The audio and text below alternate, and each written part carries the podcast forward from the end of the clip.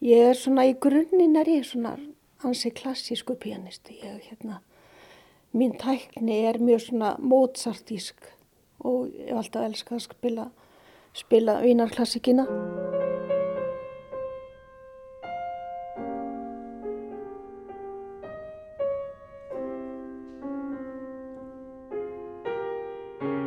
Og svo auðvitað er maður bara alltaf að leita að því sem að innra eirað er að segja manni að reyna að koma því frá sér í gegnum fingurna og, og gegnum hjartað og heilan. Og, en það er það sem að þar er þetta allt. Að bara kemur því frá þér. Læt, getur látið þetta hljóma eins og því langar til þess að láta það hljóma og það er meirinn að segja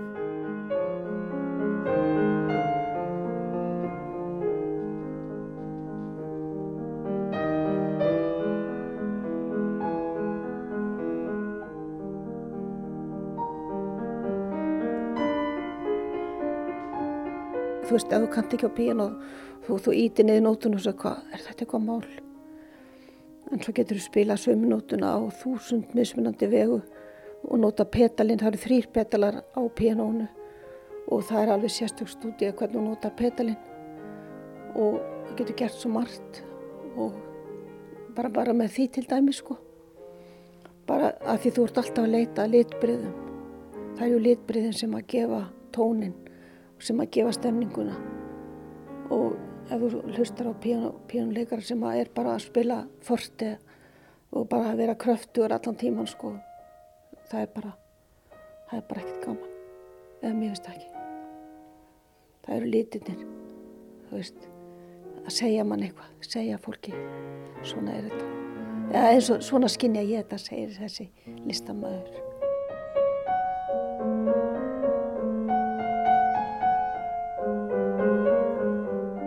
Ég heiti Kristinn Sigmundsson og er söngvari. Það eru nokkru þættir sem enn hana. Það er í fyrsta lagi aðan á alúðin og elskulegheitin og síðan er það auðvitað þessi professionalismi, hún er algjörlega, hún, hún er einn af okkar mestu atvinnumönnum í, í, í bíónuleik og samt sem áður er þetta alltaf þetta er aldrei steril þetta er aldrei, þegar hann spilar það er alltaf þrátt fyrir meina ég nú atvinnumönskunar útínuna þá er alltaf, þá slæri í þessu hjarta þá er alltaf list, listin í þessu. Og uh, músikin andar. Og það er bara alveg óskaplega gaman að syngja með henni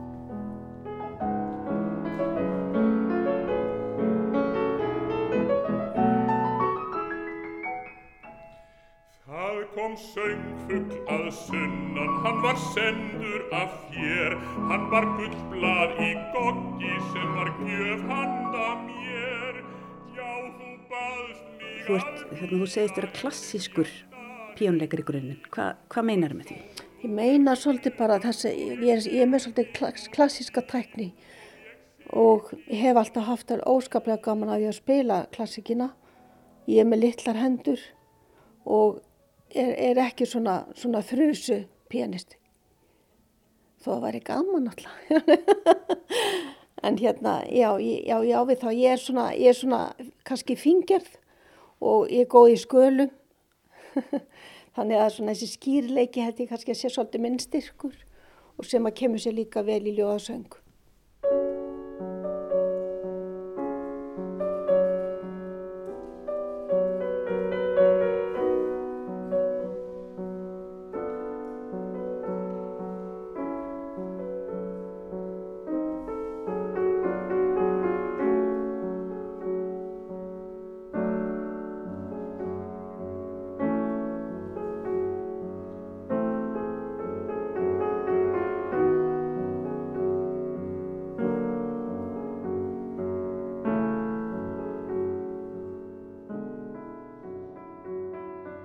Ég heiti Natalia Drúsin Haldurstóttir og ég er sönguna.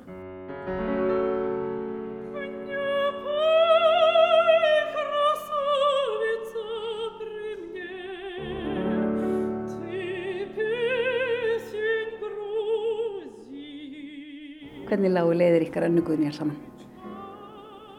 leiðir okkar lágur saman eh, 2014 uh, og það var um, vegna þess að ég var fengið til að vera einsöngvari með Kallakur Reykjavíkur og Anna Guðni er píjónuleikar þeirra. Þannig þar kynntist ég henni fyrst sem, sko, sem mannesku og sem, sem hérna, meðflytjanda. Hvað, hvað einkennir Önnu Guðni sem listamann? Ég myndi segja nattni, ég myndi segja mikill skilningur á, á viðfangsefninu. Um, hún er mjög gjöful á bæði sitt innsægi og sinn tíma og, og svo er hún bara, um, já hún, hún gefur svo mikið, myndi ég segja.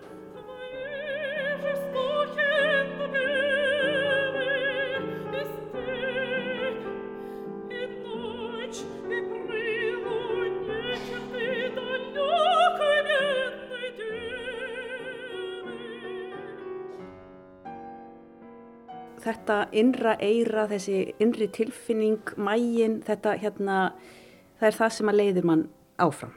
Já, það er það sem að maður reynir að koma frá sér í gegnum hljóðfæri, í gegnum hendurnar og svona draga út úr hljóðfærinu.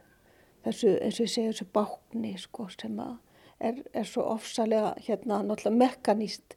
Þetta er náttúrulega hamar sem slæst strengin og svo gerist þetta og þetta eru, ég veit ekki hvað eru mörg bara við að slá á eina nótu, hvað eru mörg, mörg pínu lítil hérna bara eins og innra eirað sko, bein sem að reyfast, þú veist, og hérna stundum, já stundum finnst mér, að ég eins og sé að reyna að draga það upp úr, upp úr hljóðfarni frekar en að slá það niður, að hugsa mér að tótin komi til mín, eða þú veist, þetta er bara svona eitthvað sem maður hugsa, ekkert er eitthvað sálrænt, bara til þess að hérna ná valdi auðvitað yfir, yfir þessum tóni sko, það er bara tóni sem skiptir máli sko, mestu máli, finnst mér.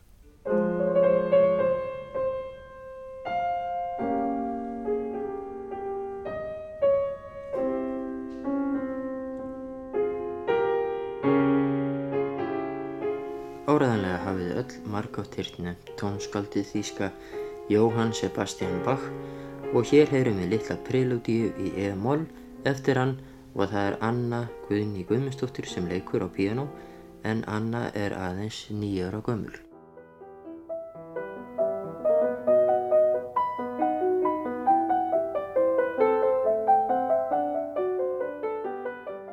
Þetta voru mikla dýrar stundir sko, píanotímanir. Þetta var bara svo gaman. Stefán Edelstein, hann var, já, minn fyrsti kennari frá því ég var sex ára og hann, hann var afskaplega, hann var bæði metnaða gætn fyrir mína hönd og, og, byggði allt mjög vel upp. Ég held nú bara hreinlega að hann hafi nú sett bara saman þessar fyrstu svona einföldu bækur sem ég var að spila upp úr. Hann hérna, ég spilaði mjög snemma til dæmis Bach hjá honum sem að ég held að hafi gert mér alveg gríðarlega gott og, og svo var hann bara, já, svo sett hann stjörnur þegar maður stóð sér vel og skrifaði bravo og bara vissum og þegar maður var búin að standa sér vel og ég kunni alveg ágætlega að meta það. og þannig að það var bara, já, ég, ég hafði byrjað fimm ára sko í Batamúsiskólanum í svona hóptímum, spila blokkflötu og reyfa mig eftir tónlist hjá Lenu Rist og, og þetta voru bara gæðastundi þegar maður hlakkaði til alla vikuna og svo, svo fekk ég að byrja sex ára á pianoið.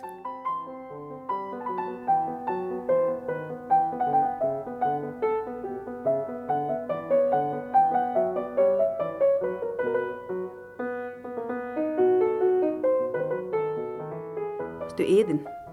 Ég held, já, ég held ég að verið það sko, alveg átt að segja það.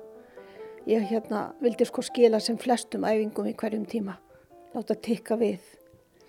Ég svo tók ég intökuprófi í tónlistaskólinni Reykjavík og fór þangað 11 ára og til beint til hérna herminu S. Kristjánsson sem var nú svona alveg potturinn og pannan í öllu sem að hétt píanókennsla.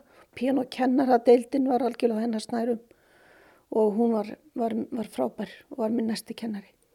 Virkilega, já, líka mikill metnaður og mikið hrós og, og falleg, allt falleg, falleg framkoma og, og einmitt þetta að koma fram og allt. Hún hugsaði svo mikið um það.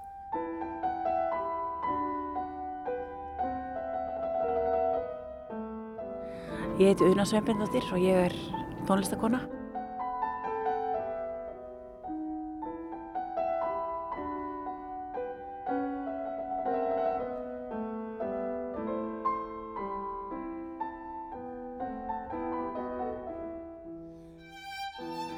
Já, ég kynntist Guðnju í tónlistaskólum í Reykjavík á síðan tíma í skipholtinu.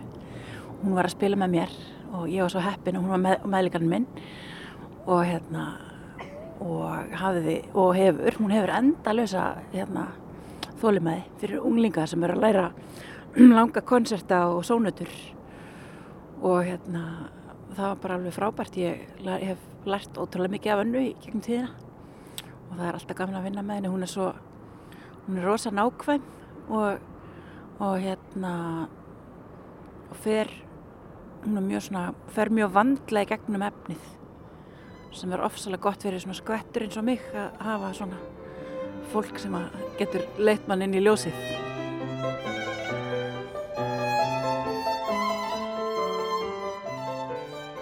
Hvað finnst þér enginn hana önnugunni sem, sem listamann? bara fagmennska, alveg fram í fingur góma og hún er gríðarlega hérna hún er ofsalega hérna hún er enga þörf fyrir að trana sér fram. Hún er bara rosalega svona sönn og, og hérna heil og mikill fagmaður. Og ég vona ég hafi lært eitthvað af henni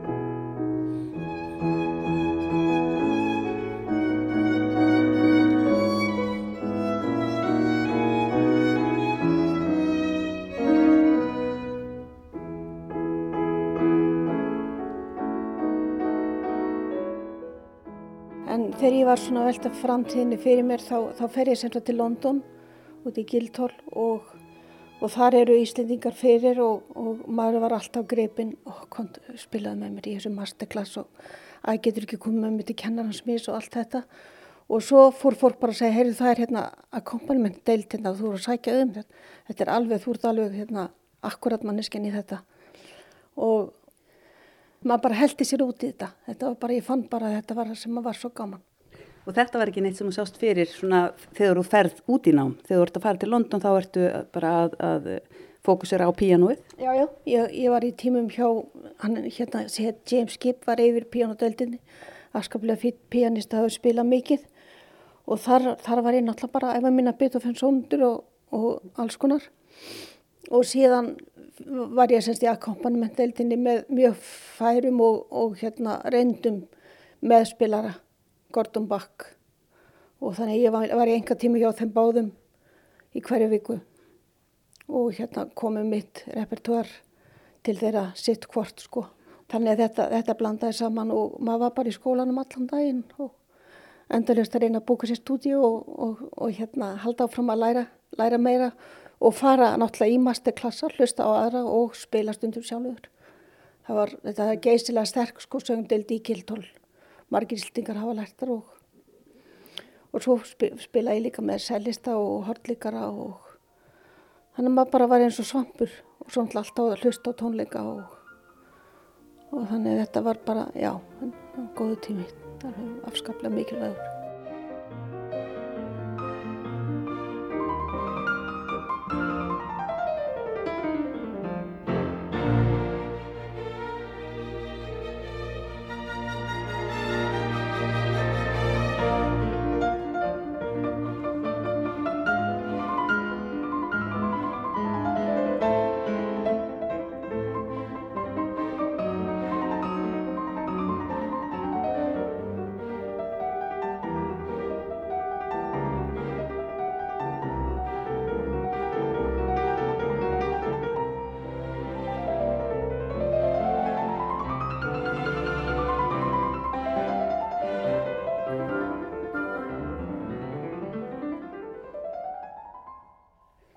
Þegar þú kemur heim er þá svona mikil vinna fólkin í því að, að koma sér á, á framfæri og, og byrja að skapa sér svona og búa til verkefni?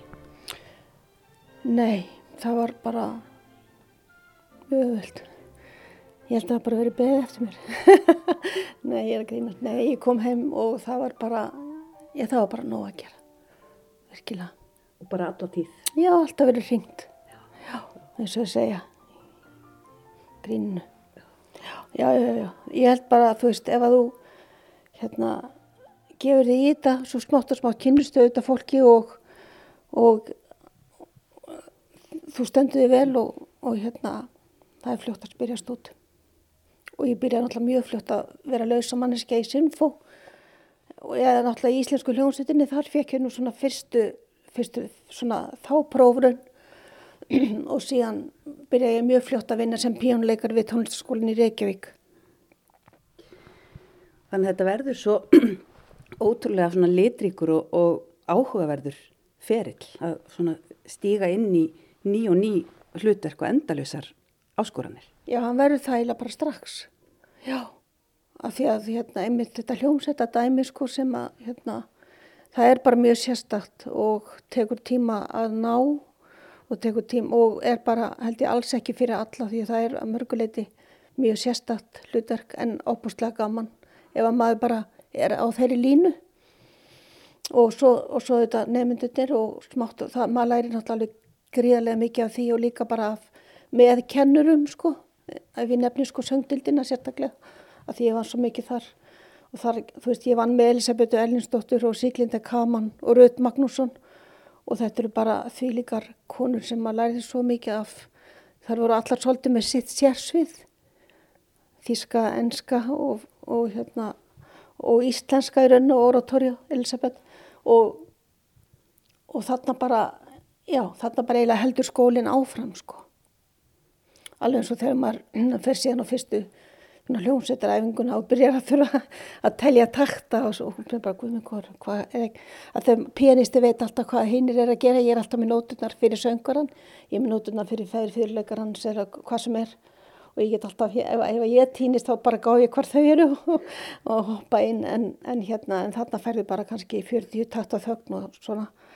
Maður þurftur svona já já eins og ég segi þetta er allt, það er allt sína hliðar áskoranir og, og hérna smátt og smátt bara verður maður svona, svona taldi, taldi klári ímsu hinn og þessu.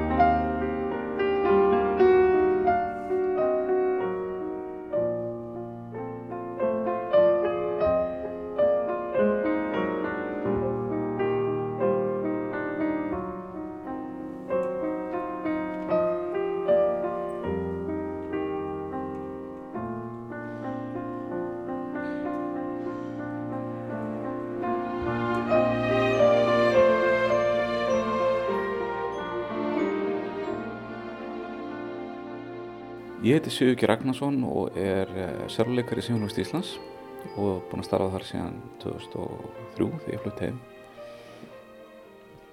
Hvernig lágu leiðir ykkar önnugunir saman?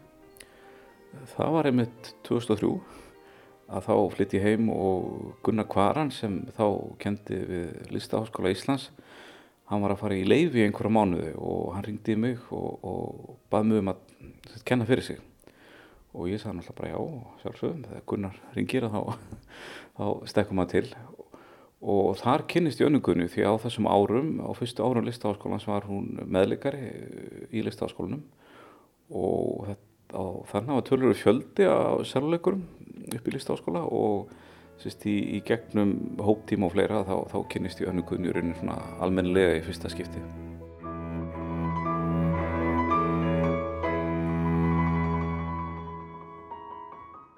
Við höfum spilað tölvöld mikið saman og aðalega kamertónlist, sónutur og, og svo hérna kom líka annað gunni alloft upp í Reykjolt þegar ég var hérna listrann stjórnandi þar og 2013-2020 og þá kom hann allmörg, allmörg sumur upp í Reykjolt og þá spilum við líka saman og svo höfum við líka komið fram, fram saman sem einleikara með Sjónlust Íslands í trippulkonstunum eftir Beethoven á Sanda Ara. Þannig að við erum búin að bralla ymmislegt saman þannig frá 2003 þegar við svona kynnumst fyrst. Það eru hvað, 19 ár síðan? Og hvert er svona stærsta verkefni sem þið hafið tekist á við saman? Stærsta verkefni lítur að vera 2014 á listahátti þegar við flutt, fluttum öll verk Beethovens sem að skrifa þess fyrir, fyrir cello og piano á þrennum tónleikum bara þrjúkvöldir auð í Lissafn Íslands. Og það var svona þeim lítið tilbaka doldið mikið afreik finnst manni. Þannig að það er klálega það, það langstæðsta sem við gerum saman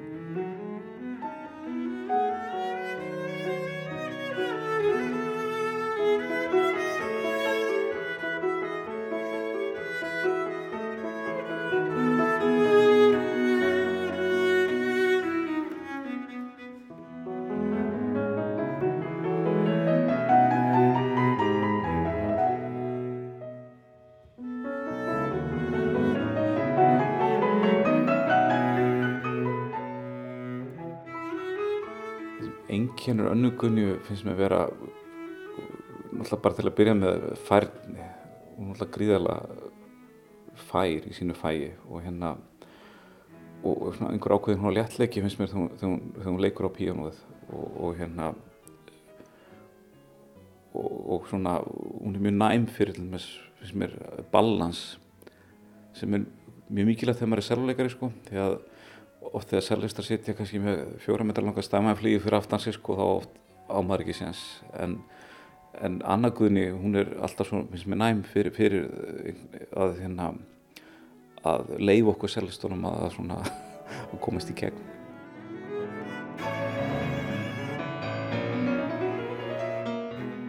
Sko maður getur ímynda sér það að vera um, uh, hérna píjónuleikari sem að vinnur með svona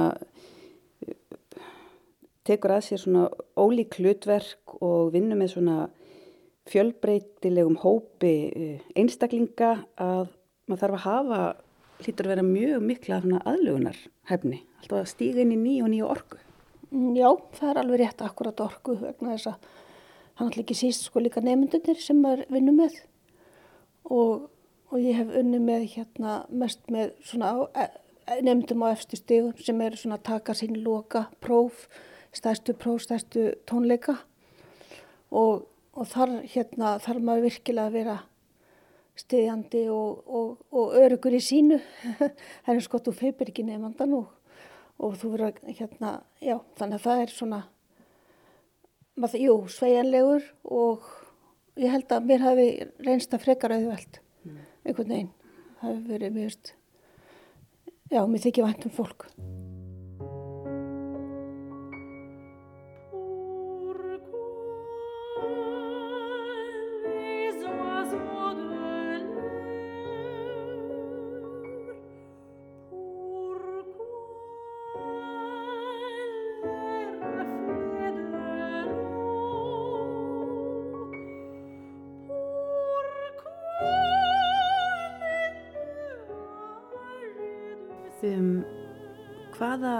Samstagsmenn hafa mótaði meirinn aðrir? Dittu. Um, alveg ómeðaleg samvinna við hana frá því við vorum saman í London í Kjeldól. Um, bæði viðnáta og svo mikið af verkefnum og það er ju bara verkefnin sem að, sem að hérna fá mann til þess að hérna, komast út úr sviðskjáltanum og þetta voru já, hún virkilega, okkar samstarf hefur, hefur þýtt gríðarlega mikið fyrir mig. Líka bara að því hún er svo dásanleg og hún er svo óstressuð og hérna, við erum að fara inn og ég er eitthvað nærið því að naga neglutnar og hún er bara eins og ekkert sé. Þó ég veit alveg að hún takið allt sem hann alvarlega að hérna þá segja okkur, okkur er hún svona afslöpuð. Bara, og reyndar held ég sko, ég var eitthvað einhvern tíma að reyna að analýsa þetta, að hún treystir sko, hún treystir áhörvendum, áhörvendum svo vel.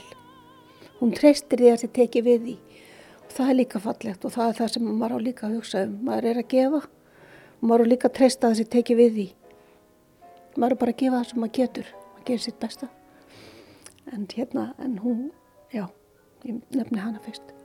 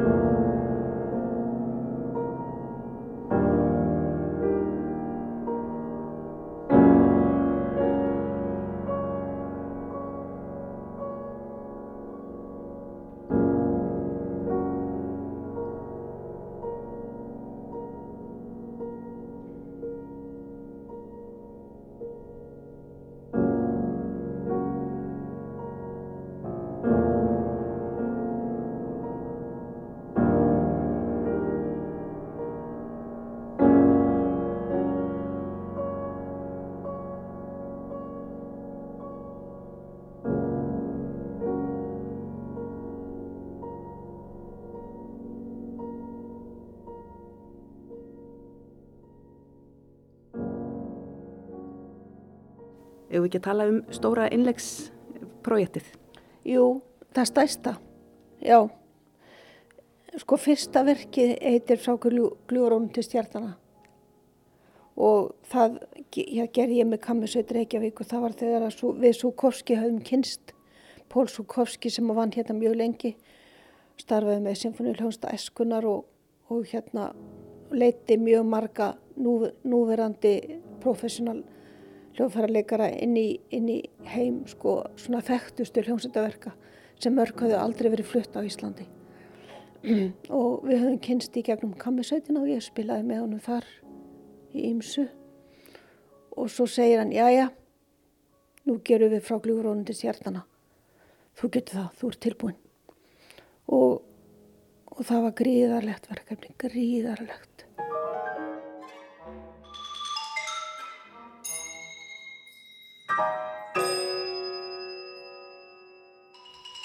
og síðan hérna leiti nú svona eitt af öðru spilaði, ég man ekki hvernig ég spilaði kvartetin í fyrsta sinn, kvartetum endalög tíma sem ég spilaði hann okkur sinnum. Og, og síðan þegar að Messian var að verða 100 ára 2008 þá var, höfðu því samband frá útvarpinu og ætlaði að halda sko, myndalega upp á amalið og, og þá hérna kom upp svo hugmynd hvort að ég geti hugsað mér að læra 20 til til Jésu barsins sem er sem skrifaði 44 og eru 20 kaplar og ég lærði þá á rúma ári og spilaði það hausti 2008 á 100, já, 100 ára ammali hans og 50 ára ammali mínu. Og það voru, já, já það voru 400 klukkutímar. Sem er lág á baki. Já og það er sko hver, það er hver klukkutími sko það er ekki léttmyndi það er, er blóðsvitt og tár og einbytting já. þannig að það er svona já þetta er svona ríkjast ekki í og talandum að læra af verkefnum sko þá hef ég náttúrulega ekki lært meira af neinu heldur, heldur en því því að hann skrifar alveg gríðarlega sko hans sko tónmáli er náttúrulega fyrir þetta hvað sérstatt að þá er það mjög til dæmis viðfemt í, í hérna styrkleika málum sko hann, hann, spilar, hann skrifar sko óhrættur fjögur p, hans er eins og allir heimi sko, það er helst fjögur eða fimm p sem þýðir sko alveg eins veikt og þú getur. Og svo eru, ferði upp í 5F sem þýðir 5 forti þannig hann er virkilega á öllum skalanum. Og svo er hann líka á algjörlega á sko skalanum varðandi sko púlsinn. Að hann spila, skrifar þannig að maður heldur að maður sé að fara að spila sko hraðarnótur þetta er fólk kannski sér, veit ég hvað þetta er 16. parsnótur en hver einasta 16. parsnóta á ekki vera hraðar en 6 sekunda hún er semst á 60 þannig ég bara segja hversu, hversu skalin er sko við femur þetta er svona ólíkt öllu öðru og maður, maður þarf einhvern veginn að búa sér til alveg svona alveg svona sérstakann bara heim í brjóstinu fyrir þetta og í líka mannum sko Já, hann, hann fer mann bara á nýjar brautir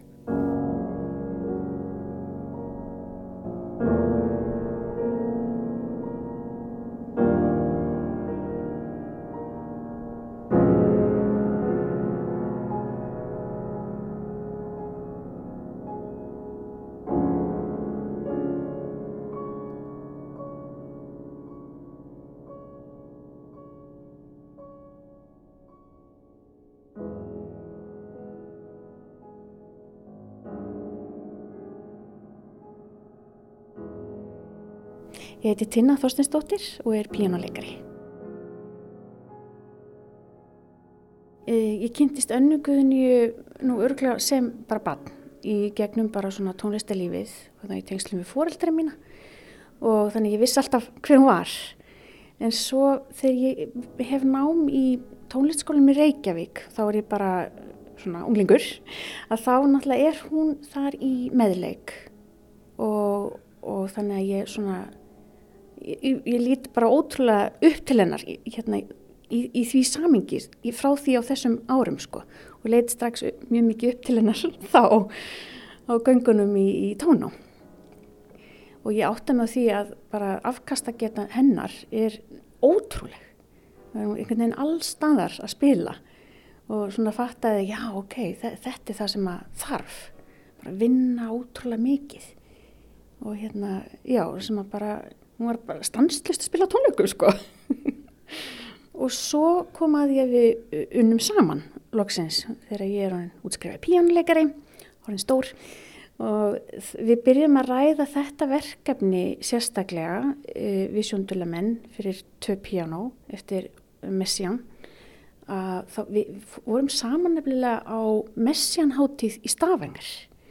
Þetta er 2008 og einmitt rétt árum er að spila þetta er náttúrulega stórvirki e, 20 tillit til Jésúsbatsins eftir saman tónskáld.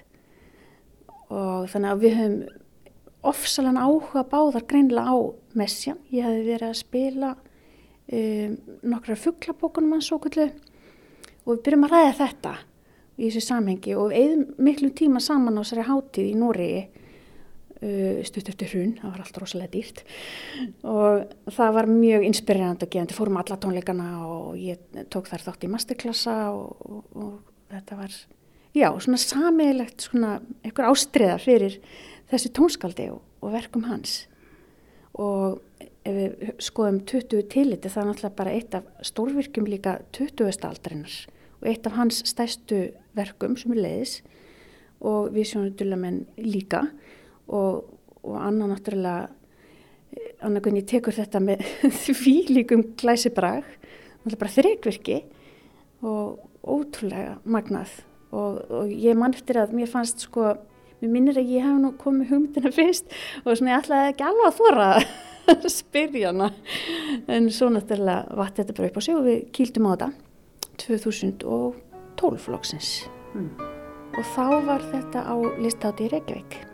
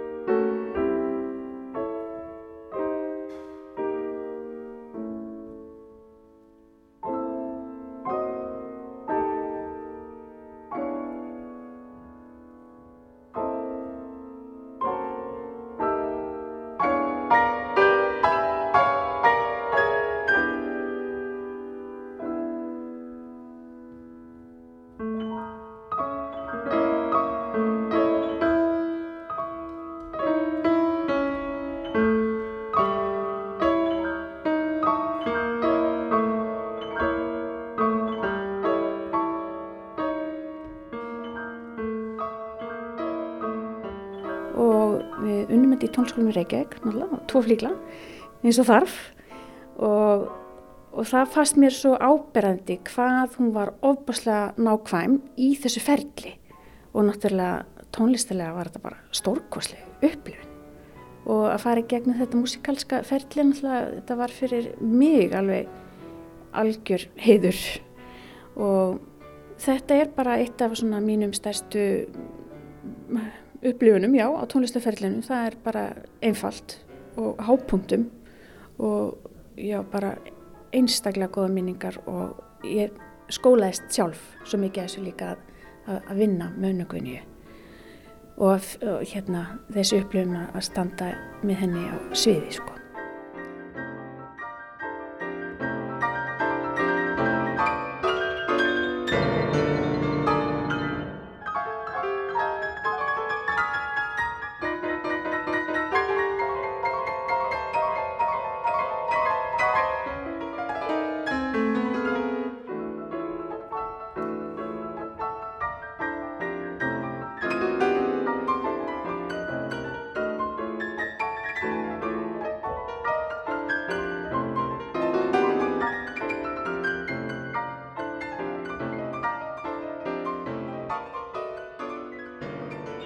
er það sem að knýr mann áfram í, í því að vera tónlistamæður?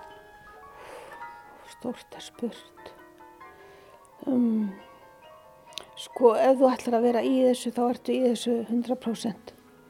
Þú ert í þessu alla dagveikunar og það, það er ekkert það er ekkert val þannig og það er held ég ekkert gaman öðruvís en þú sért, sért aðna en auðvitað er það oft afskaplega krefjandi og krefjandi fyrir fjölskylduna þína og, og bara fyrir, fyrir þína líkamlegu helsu í rauninni. En hérna, í rauninni, ég held að ég verður bara að segja verkefnin. Það er bara þannig. Það er bara, Anna getur gert þetta og þú bara, ok, já ég verður að gera þetta. Svo spennandi. Og þó maður stundum hefði átt að segja nei kannski, nei ég ætla nú kannski að eiga frí þessa helgi, eitthvað svo leiðs en, en, en þú ert bara já ég meina ég er ekki láta hljóma eins og einhver, einhver, einhver píslarvætti sko. En þú, þú ert ekki tónlistumæður flytjandi öðruvísi en að vera algjörlega í því. Það er bara þannig. Og þú þarf þetta bara hald, alltaf að halda þig við halda fingrónum við og, og svona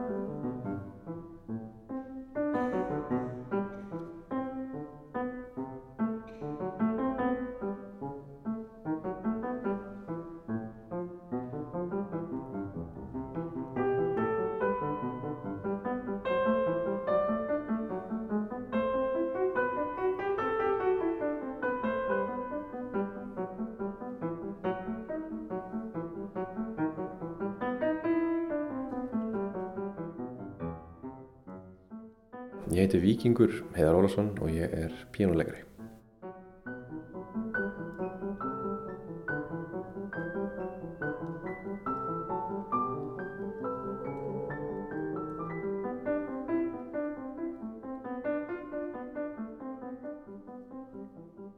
Ég man bara eftir önnuguðinju frá því ég var nefandi og hún var í rauninni kennari og meðleikari við tónlistarskólan og ég ég þekkti hana miklu, að, miklu fyrir en hún þekkti mig, skulum við segja. Og hún var alltaf bara svona, svona bara alveg af, ég meina hver einasta nefandi sem hún spilaði með og hefur spilað með og spilar með fær alltaf bara svona 150% þú veist, það var svona mikil virðing sem hún hefur alltaf borið fyrir þeim sem hún vinnur með. Og það skiptir einhver máli hvort það er dittu eða bara einhver nefandi í fymtastí sko. Ég man alltaf eftir það var alltaf bara ég hugsaði bara, hún spilar aldrei finnlótu ég fóru alltaf þessar tónleikar sem héttu mánudagstónleikar inn á sal tónlistaskólans og, og annarkoðin ég hugsaði bara hvernig, hvernig fer hún að þessu? Svo í rauninni kynist ég henni svona smám saman sko. og hún saði mér einhvern tíman eftirminnilega, hún er alveg búin að gleyma því sjálf í nokkuð vissum það, en hún saði mér þegar ég var svona 14 og ég ætti að æfa tónstega og sérnýjetjur og, og svona sem ég leiti rosalega mikið niður á. Og ég man að ég var svona pínum aðgæður sko. Eh, en svo sá ég fljóðlega hún alveg rétt fyrir sér því ég náttúrulega fór að gera það sko. Eh, en hún er, hún annað er svo sko bæði sem persóna og líka sem tónlistamæður hún er svo reynskilinn sko. Maður heyrið það hvernig hún spilar og, og hún er aldrei þú fari aldrei neitt annað frá henni heldur en bara algjöran heiðarleika. Og, og ég átti rauninni, ég, bara- ég ber alveg rosalega verðingu fyrir en ég spilaði svo mína debut tónleika, einleikstónleika uh, þegar ég var tvítur held ég uh, í salnum í Kópói og þá spilaði ég eitthvað prógram, svona ekta, eitthvað ungur pianisti að reyna að sanna sig. Og meðal annars spilaði ég Schumann Kreisler hérna og ég manna Anna hvernig ég sagði, og hérna var hreyfin á tónleikurum og hún sagði að það hefði verið alltaf mikið rúbato í Schumann og það hefði verið svona, formið hefði ekki skilað sér sko, sem að, sem að hérna, mér brá svolítið sko, hérna því ég var, já, ég var svolítið og kannski er pínur soka fullur svona á einhvern nátt sko, en En hún hafði líka rétt fyrir sér með það sko. Ég var svolítið sár sko þá að því að, hérna, að því, já, ég vildi bara fá hrós. En, en svo hlustaði ég uh, á þetta og svo síðar og hugsaði, já, guð mig góður og ég hugsaði hvað það er geggjað. Og ég var, líka hrifin að þá að hún væri, hún var svo svona ótrúlega heiðarlega og flott. Hún saði þetta bara á ást sko, ekki á einhverju, alls ekki nein- neinu öðru sko. Eh, En svo í rauninni hérna kynustu betur og betur og erum mjög góðir vinnir í dag og höfum spilað saman. Ég bauði henni ofta á hérna hátíðina mína Reykjavík Midsummer Music í Hörpu sem var sumarhátíð sem ég held og, og mun vonandi halda aftur í framtíðinni. Og þá fekk ég hérna svona sem ég ofst er oft rjómi íslenskrar tónlistar og Anna Guðni var alltaf þar eftir á blaði. Uh, og við spilum alls konar saman sko og hún spilaði með fullt af fólki og hérna mjög eftirminnilegt. Og hún spilaði Makrokosmos eftir George Crumb með Ursula Oppens var alveg klikkað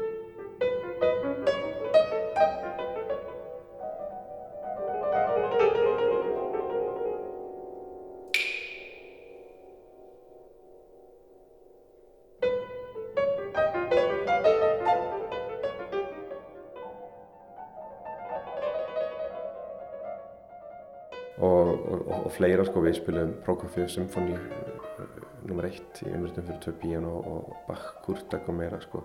Hún spilaði Rachmaninoff, sönglu og alls konar. Og hún, hún bara, ég hef bara aldrei heyrt önnugvinni öðruvísi heldur en bara, bara frábæra, þú veist það er alveg merkilegt. Maður heyrir einhvern veginn eiginlega engan sem er svona hún gefur svo mikið í hvert einasta verkefni að, að það verður einhvern veginn einhver galdur. Það var alveg ríkilega gaman hjá okkur að spila saman tvö piano, mér finnst ekki gaman að spila tvö piano með mörgum sko en það var æðislegt sko Og hún er svona brjálaðislegur lesari og les bara tætist í, í gegnum alla tónlistasögunni svo ekkert sé, eða finnst manni.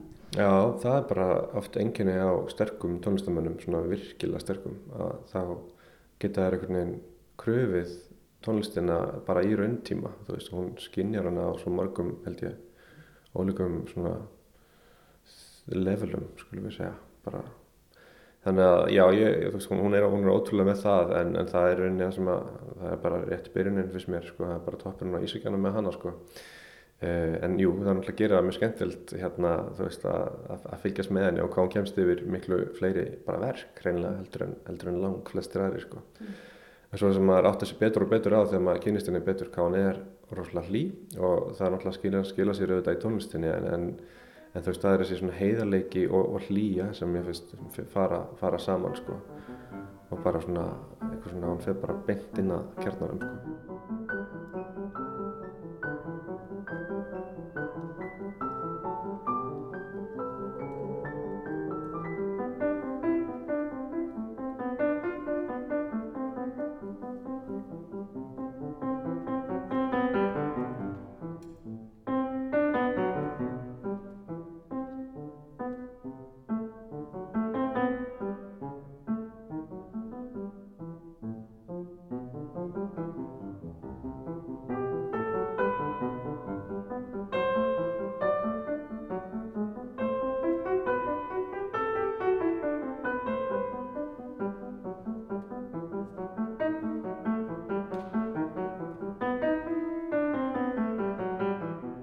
Það er eitt með önnu að hún er sko, finnst hún vera sömu dýrategund og ég. Það er dýrategundin píjánuleikari.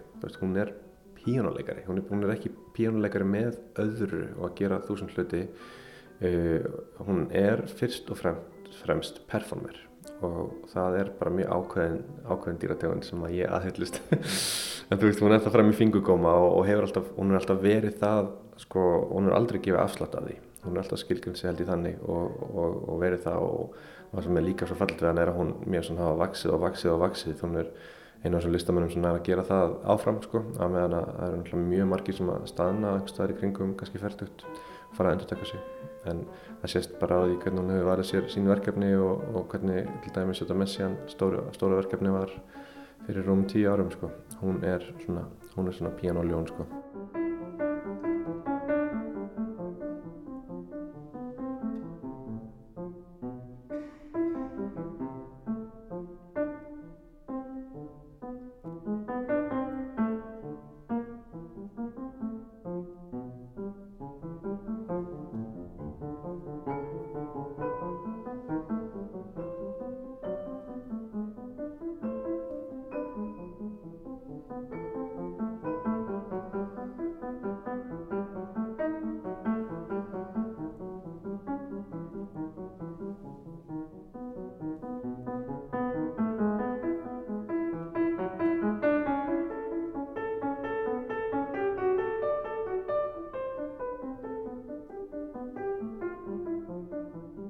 Þú æfir með þínum ef þú ert að spila með einhverjum.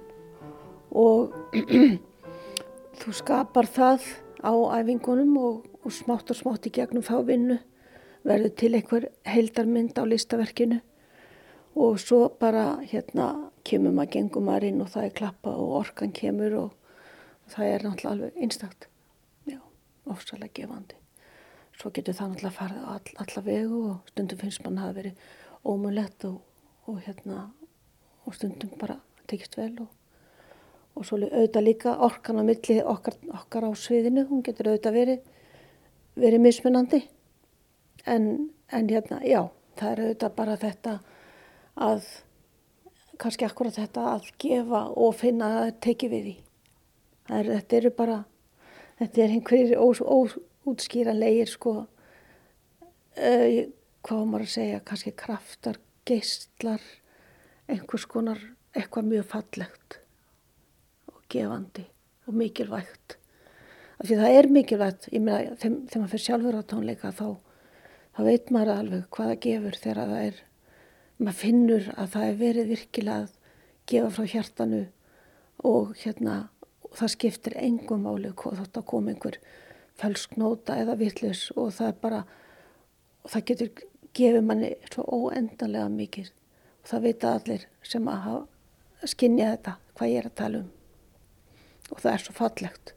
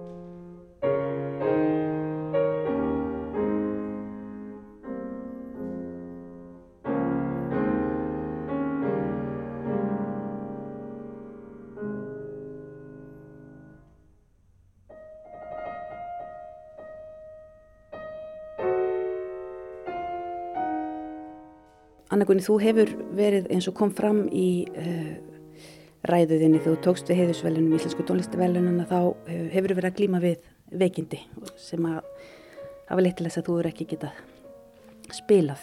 Um, hvað, hvað er það sem að, sem að þú ert að glíma við? Ég greindist með heila ægsli 1. februar 2021 og, og það uppgötaðist eftir tvö svolítið heftarleg flók eins og gerist nú oft með, með svona með þetta og hérna kom bara einn morgun og síðan þremdugum síðan aftur um, eins og þrjuma úr heiðskýru lofti svo maður taki nú þá klísju en það var virkilega þannig og var afskaplega náttúrulega reyðarslag og, og ég var, var hérna var að fara að spila tónleika, ég var á leiðin á generalpröfu og síðustu æfingu nýri í hörpu og fæ bara eins og aðsvið og ég held að vera að fá heila blóð, blóðfall.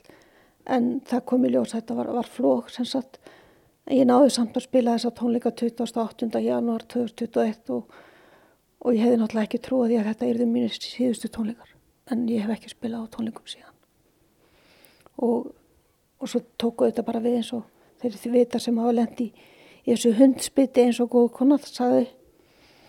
Krabba megin er hundspitt og hérna að það er auðvitað bara lífumanns er bara þér snúið á kolv og, það taka auðvitað við bara það er bara góðir góði leknar og, og góðu spítali og það er allt gert til þess að reyna það er alltaf gestlar og lif og ég er ennþá í meðferð núna 14 mánuðum síðar. En, en það gengur vel og ég er bara bjart sín Ég hef verið umvafinn tónlist frá því mann eftir mér og það hefur verið mín gæfa Ég trúi því að sá sem lifir í tónlist þurfi aldrei að vera einn eða einmanna, aldrei verkalaus, verkefnuleus og alveg öruglega ekki vinalaus. Ég fekk tæp 40 ár í þessu fjölbreyta, skemmtilega og krefendi starfi og fyrir það er ég þakklátt. Ég hef nú stíðið til hliðar vegna veikinda en um leiðu ég þakka þennan mikla heiður sem þið sýnir mér hér í kvöld. Langar mig östut að nefna þau sem ég hef átt hvað mesta samleið með í gegnum árin og nefnir þar auðvitað fyrst vini mína í Symfóniuhljómsveit Íslands sem ég sakna mikið. Kamminsveit Reykjavíkur, Karlakór Reykjavíkur, Dittu, takk fyrir all árin, Dittu. Um, alla nefndurna dásanlegu sem að ég hef unni með og síðan langa festi, indisleira vina, hljóðfærarleikar og söngara sem ég hef unni með og ferðast með um landið og víða veröld. Og eins og veröldun snýst þessa dagana skulum við muna að tónlistin getur bæðið sefað og saminað. Takk fyrir mig.